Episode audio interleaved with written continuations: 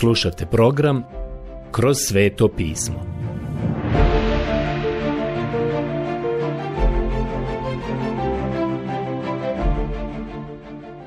Knjiga Izlazak. Odlomak Izlazak, poglavlje 12, od 1. do 13. stiha. Prijatelj, došli smo do vrhunca u knjizi Izlaska. Ovdje vidimo instituciju Pashe, i trebamo se na samom početku prisjetiti izjave o kojoj apostol Pavle kaže Krist, naša pasha, prinesen je za nas. Pogledajte prvu poslanicu Korinčanima 5.7. Ovo je veoma važno za nas da vidimo. U ovom odlomku ovdje, kojeg ćemo sada obrađivati, vidjet ćemo Krista. Izraelski početni ili prvi mjesec. Ja ću sada da čitam. Ovo je početak 12. poglavlja. Na to zapovijedi gospodin Mojsiju i Aronu u egipatskoj zemlji ovo. Ovaj mjesec neka vam bude početak mjesecima. Neka vam bude prvi mjesec u godini. Knjiga izlaska 12.1 do 2. Ovo nas dovodi do onoga što sam nazvao potpuno novom podjelom knjige izlaska. Prvi dio je bio izbavitelj, drugi dio je izbavljenje, Izbavljenje zapravo nije po Mojsiju. Izbavljenje je prvo bilo krvlju. To je praznik Pashe kada je došlo do smrti prvorođenaca. Zatim u 13. i 14. poglavlju imamo prelazak Crvenog mora i uništenje egipatske vojske. To je bilo silom. Bog ih je oslobodio krvlju i silom. Prijatelji, otkupljenje koje imamo danas jeste krvlju i silom krvlju koju je gospod Isus prolio za nas kako bi platio kaznu za naše grijehe, a zatim silom duha svetoga da ovo učini stvarnim i djelotvornim u našim grešnim srcima. Ne vojnom moći, niti silom, nego mojim duhom, veli gospodin nad vojskama. Knjiga proroka Zaharije 4.6 Dakle, to je dijelo gospoda Isusa koje je ostvario na križu za nas. To je dijelo duha svetoga u nama. I to je važno vidjeti ovdje kada govorimo o iskupljenju. Ovdje imamo da Bog kaže, ovaj mjesec neka vam bude početak mjesecima, neka vam bude prvi mjesec u godini. Zapravo, ovdje sve počinje. Ovdje je zapravo rođendan nacije, a ipak ćemo vidjeti da naglasak nije stavljen na naciju, već je zapravo stavljen na porodicu. Naglasak je na porodici. To je istina koju smo mogli vidjeti već u knjizi Postanka. Izrael je ušao u Egipat kao porodica i nakon određenog vremena izlaze kao nacija. Ono što je za nas zanimljivo ovdje jeste činjenica da Bog ovdje nije stavio naglasak na naciju, već na porodicu. Porodice su bile građevinski blokovi od kojih je sazdana nacija. Sjećate se da ih je faraon prisilio da prave cigle bez slame, ali Bog je dao da naprave porodice koje su bile cigle za izgradnju nacije, a slama i slamke su bili pojedinci. I to ćemo vidjeti ovdje. Postoji jedan stari kliše. Znam da zvuči izlizano, ali je istinito. Nijedan narod nije jači od porodice tog naroda. Prvo obilježavanje praznika Pashe. Sada ćemo vidjeti kako Bog pravi cigle sa puno slame, jer On ima puno pojedinaca. Pasha je najstariji vjerski praznik poznat ljudima. To nije državni praznik u smislu u kojem je Jom Kipur, dan pomirenja, ali je vjerski praznik i bio je to porodični događaj. Bog je otkupio pojedinca u porodici. Sada će ovo ipak biti rođendan nacije. Ovo je početak za sve ostale mjesece i došao je kao nulti sat. Ovdje počinje odbrojavanje do izlaska Izraelaca iz Egipta. Zapazite sada šta Bog kaže u trećem stihu. Objavite svoj općini sinova Izraelovih. Desetog dana ovog mjeseca svatko od vas neka priskrbi sebi jedno janje, jedno janje za obitelj ili kuću. Knjiga izlaska 12.3 Ovdje u ovom stihu postoje dvije istaknute tačke. Naglasak je na dvije stvari. Možete vidjeti da će biti priređeno porodično slavlje. Prva stvar je krv, a druga je kuća ili porodica. Naravno, Janje govori o krvi koja će se staviti na dovratnike. Ovdje je sada snažan naglasak koji Bog stavlja na porodicu, iako su oni već postali nacija. I on će izbaviti naciju, ali on to čini po porodicama, a porodice izbavlja po pojedincima. Zapazite, svatko od vas neka priskrbi sebi jedno janje, jedno janje za obitelj ili kuću. Vidite, sve ovo se svodi na porodicu. Spominje se kuća, domaćinstvo, porodica. Poslušajte sada ovaj četvrti stih. Ako li je obitelj premalena za jedno janje, ne govori ništa o tome da je janje premalo za domaćinstvo. Tako nešto se ne bi dogodilo. Prijatelj, janje je dovoljno. Način na koji je ovo predstavljeno govori nam da je janje dovoljno. Neka ga uzme zajedno sa svojim susjedom, koji joj je najbliži, a po broju osoba. Proračunajte koliko svatko može pojesti od janjeta. Knjiga izlaska 12.4 Bog sada ide direktno do pojedinca u porodici. Svaki će se čovjek računati i uzeti u obzir u ovome. Uzima se janje za porodicu. Ali evo, na primjer, čovjeka i njegove žene koji su bez djece. Nemaju potomstva. Ili su im se možda djeca udala i odselila negdje drugo. Oni se onda mogu udružiti sa svojim komšijom koji je u istoj poziciji. On i njegova žena se udruže sa nekim drugim i dijele janje prema pojedincima koji su tamo. Ali sada može biti da u komšiluku postoji čovjek koji ima puno djece. Prije nego što se odlučite spojiti te dvije porodice, pobrinite se da svaki pojedinac dobije adekvatan dio janjetine. Vidite da je ovo bila lična, privatna stvar. Iskupljenje je za naciju, ali centar dešavanja je u porodici. I to iskupljenje mora prihvatiti i primiti svaki pojedinac u toj porodici. Kao što sam već rekao, pasha je porodična stvar. Molim vas zapazite koliko je to važno. Bog im ovdje daje samo modus operandi po kojem je on spasio pojedine Izraelce. Ne zato što su pripadnici nacije ili porodice, već pojedinci. Sjećate se da imamo zapis u dijelima apostolskim. To je priča koja bi trebala rasvijetliti mnoge probleme i mnoga pitanja koja nam se ovdje postavljaju. Jedno od tih pitanja je da li je porodica tamničara u Filipima spašena zato što je taj tamničar povjerovao.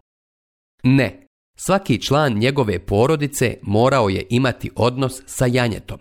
Morao je individualno biti dio toga. To je istina. Svaki član porodice je morao iskazati svoju vjeru na ovaj način ili je bio van toga.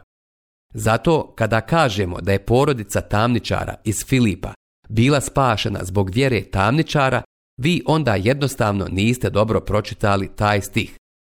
Vjeruj u gospodina Isusa i spasit ćeš se, ti i tvoja kuća. Pogledajte dijela Apostolska 16, 25 do 40. Neko će sada da kaže da je to automatsko kolektivno spasenje porodice. Ne.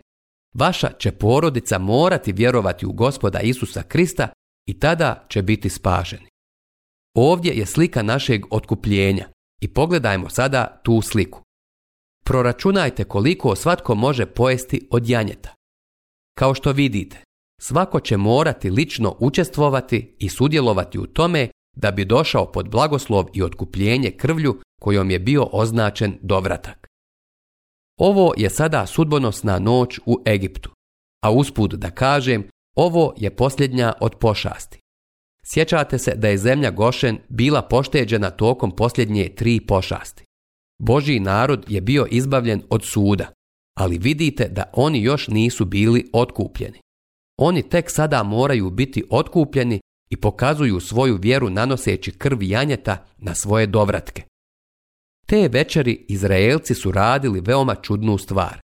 Ukoliko biste ušli u bilo koji od domova te noći, gdje su dovratnici bili poprskani krvlju, primijetili biste da se nešto događa. Dopustite mi da sada pročitam peti stih. Janje mora biti bez pogreške, muško od godine dana. Smijete uzeti janje ili kozlića. Knjiga izlaska 12.5. Ovo janje će sada govoriti o Kristu, a Izraelci će ga ubiti. To je za porodicu. Njegovu krv treba staviti na dovratnike, ali svaki Izraelac pojedinačno će morati pokazati svoju ličnu vjeru. Ovdje imamo jednu stvar koja je nevjerovatna. Čitamo sada šesti stih. Čuvajte ga do 14. dana ovog mjeseca. Tada neka ga zakolje sva općina sinova Izraelovih podvečer. Knjiga izlaska 12.6 Prijatelji, htio bih vam ovdje skrenuti pažnju na nešto. Izrael će ga ubiti te večeri. Svaka je porodica imala janje. Mora da je te noći bilo na hiljade zaklanih jaganjaca. Ali kada je Bog govorio o tome, on je rekao, Izrael će ga ubiti večeras to janje govori o drugom janjetu. Krist, naša pasha, je prinesen za nas, a Bog je gledao na nju kao na jedno janje. Vidite, sve to ukazuje na dolazak gospoda Isusa Krista na ovaj svijet. Molim vas, zapazite sada ovdje da mora postojati taj dokaz vjere u ispravnost onoga što rade. Vjera u adekvatnost krvi. Čitamo sada sedmi stih. Neka se uzme nešto od krvi i neka njom pomažu oba dovratka i gornji prag na kućama u kojima će se jesti. Knjiga izlaska 12.7 Sada su djeca Izraelova trebala staviti krv na svoje dovratke i anđeo smrti će proći pored tih vrata. Ja mislim da ovdje imamo sliku koja će nam odgovoriti na još jedno pitanje. Mnogo je ljudi koji su nam pisali i pitali. U vrijeme uznesenja Šta će biti sa malom djecom roditelja koji su vjernici? Šta će biti sa njima? Ovdje se misli na mališane koji nisu dorasli u računljivoj dobi. Hoćeš reći da bi gospod uzeo mamu i tatu i otišavši ostavio dvoje male dragocjene djece. Ne, prijatelj, Bog to neće učiniti. Pročitajmo ovo još jednom. Neka se uzme nešto od krvi i neka njom pomažu oba dovratka i gornji prag na kućama u kojima će se jesti. I onda nek jedu janjetinu unutar svoga doma. To znači vjerom sudjelovati u Kristu. Ali ti mališani ne znaju šta se događa. Hoće li ti mališani ostati u kući kada sinovi Izraelovi izađu iz zemlje Egipatske ako slučajno ti mališani nisu dostigli dob u kojoj su sami odgovorni? Da li će ti mališani biti ubijeni? O ne, ne prijatelji. Krv je sve prekrila. Anđeo smrti prošao je pored svih njih. Ja pretpostavljam na temelju ove slike koja nam je predočena o izlasku Izraelaca iz Egipta, da će ona djeca koja još nisu dosegla dob uračunljivosti u trenutku kada nastupi uznesenje i sama biti uznesena u svakom domu gdje se budu nalazili takvi mališani. Bog ih neće ostaviti, baš kao što ih ne bi ostavio u danima kada su djeca Izraelova bila otkupljena i kada su izašla iz zemlje Egipta. Hoćete li sada zapaziti šta dalje piše? Iste noći neka se jede meso pečeno na ognju i usto beskvasan kruh. I gorko zelje neka se pri tom jede. Knjiga izlaska 12.8. Naravno, Svaki ovaj detalj ima ogromnu poruku i značenje, baš u svemu što su radili. Ovo nam govori o zajedništvu porodice, jer porodice su bile zajedno u ovome. Sada želim nešto reći i siguran sam da ću dobiti mnogo reakcija na ovo, ali to mi uopšte ne smeta. Mi danas u našim vrlo dobro organizovanim biblijskim školama i u našim crkvenim programima razvrstavamo učenike. Mlađe je na jednu stranu, starije na drugu, srednjoškolce na treću. Možete li zamisliti da im je Mojsije rekao da svu djecu stave u neko obdanište? On sam je odgojen na takvom mjestu u Faraonovoj palači.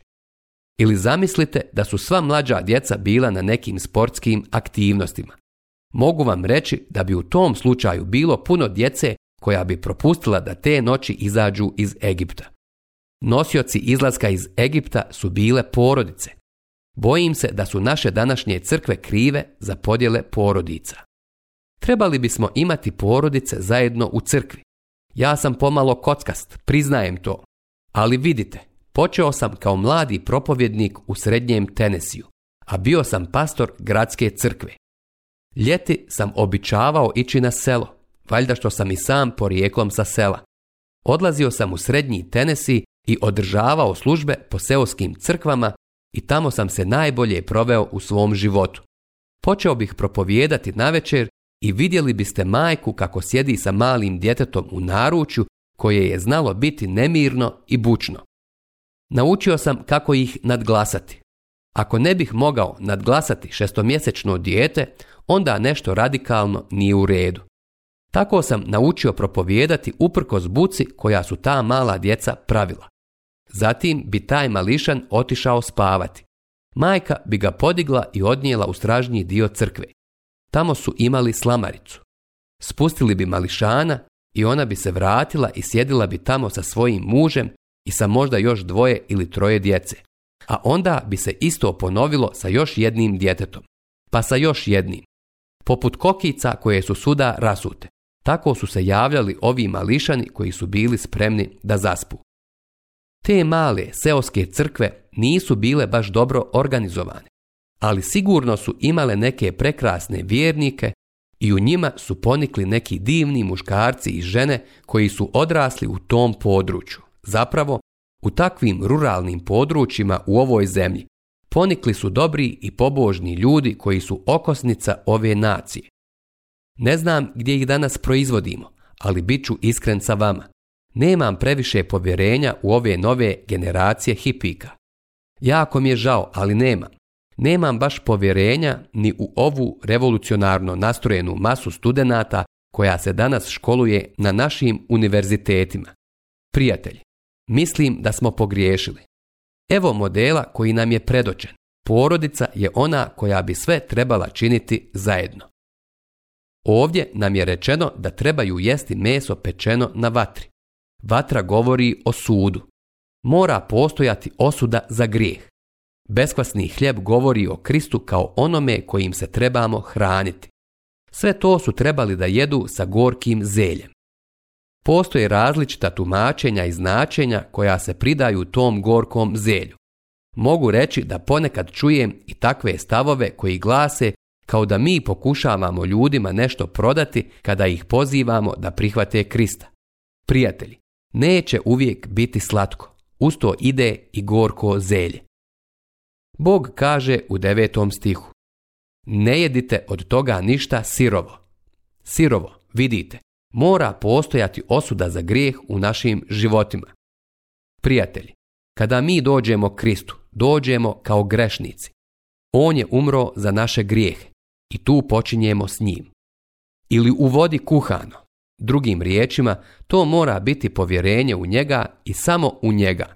Bojim se da danas ima nekih ljudi koji vjeruju vodi. Nego samo na ognju pečeno. Mora postojati osuda grijeha. I to tako da je još glava spojena s nogama i nutarnjim dijelovima. Sve to treba ispeći. Ništa od toga ne ostavite do jutra. Što bi od toga preostalo do jutra, spalite na ognju. Ovako trebate jesti. Imajte bokove opasane, obuću na nogama i štap u ruci. Jedite u hitnji. To je prolazak gospodnji. Knjiga izlaska 12, do 11. Prijatelji, sve ovo govori o Kristu, našoj pashi koja je prinesena za nas i kako to izgleda kada dođemo k njemu. Kada dođemo njemu, trebali bismo imati opasane bokove.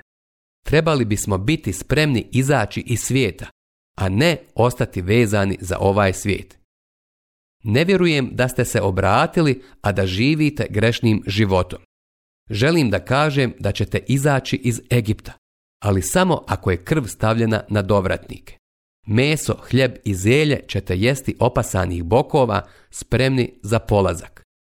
Kako je ovo sjajno! Čitamo sada 12. stih. Jer ću u toj noći proći kroz Egipatsku zemlju i pobit ću sve prvorođence u Egipatskoj zemlji, čovjeka i stoku i sudit ću svim egipatskim bogovima. Ja, gospodin. Knjiga izlaska 12.12. 12. Sve te pošasti su bile usmjerene na svakog idola pojedinačno. Sada su došli do toga da su svi oni tražili prvorođence, Bog im sada kaže, sada okrećem svoje oružje protiv svih tih idola. Zapazite sada sljedeće. Krv na kućama u kojima stanujete bit će vam zaštitni znak. Kad vidim krv, proći ću mimo vas. Među vama neće biti pomora kada stanem ubijati po egipatskoj zemlji. Knjiga izlaska 12.13 Bog kaže da ljudi nisu bili spašeni samo zato jer su bili Abrahamovo potomstvo. I Egipćani su mogli poslušati i bili bi spašeni. Bog kaže, kada vidim krv, nisu bili spašeni zato što su radili najbolje što su mogli i pošteno plaćali svoje dugove i zbog toga što su bili dobri ljudi. Bog kaže, kad vidim krv, proći ću mimo vas. Nisu smjeli istrčati tokom noći i gledati krv trebali su imati povjerenje u Boga i vjeruje u to što im je rekao. Bog kaže, kad vidim krv, znači kada on vidi krv, a nije rekao kada oni vide krv. Oni nisu bili spašeni zbog svojih misli, osjećaja ili iskustava, niti zato što su gledali na krv. Bog kaže, kad vidim krv, proći ću pored vas. Njihov dio je bio samo to da vjeruju. Samo vjera, nisu bili spašeni jer su prošli kroz neke ceremonije, niti zbog toga što su bili obrezani. Bog kaže, kad vidim krv, proći ću pored vas. Nisu bili spašeni jer su pripadali crkvi. Anđeo smrti nije pravio anketu o tome. Kad vidim krv, rekao je Bog, proći ću pored vas nisu smjeli otvoriti prozor i reći anđelu smrti koliko su dobri i koliko dobrotvornog i humanitarnog rada oni obavljaju. Da je neki čovjek te noći pomolio svoju glavu kroz prozor, umro bi. Bog kaže, kad vidim krv, ovome ništa ne treba dodati. Ko je bio spašen te noći? Oni koji su vjerovali Bogu. Oni kod kojih su dovratnici bili poškropljeni krvlju oni koji su vjerovali krvi. Iskreno ću vam reći na kraju, ja to ne razumijem u potpunosti, ali stavio sam svoju vjeru i pouzdanje u Boga i u to da je Bog istinit. I danas važi isto, da će vas prolivena Kristova krv spasiti. Ništa drugo, moji prijatelji. Dakle, dragi moji, do sljedećeg puta neka vas Bog obilno blagoslovi.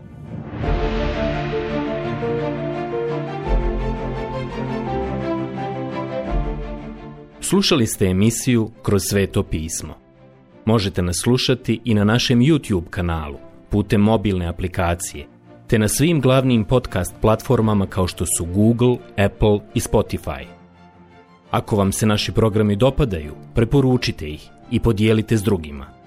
Budite slobodni da ostavite svoj komentar ili nam pišite na našu e-mail adresu kroz svetopismo.bih at gmail.com Zapratite našu stranicu kroz sveto pismo BiH na Facebooku i na Instagramu. Emisije iz ove serije možete pronaći na našoj stranici ttb.tw.org.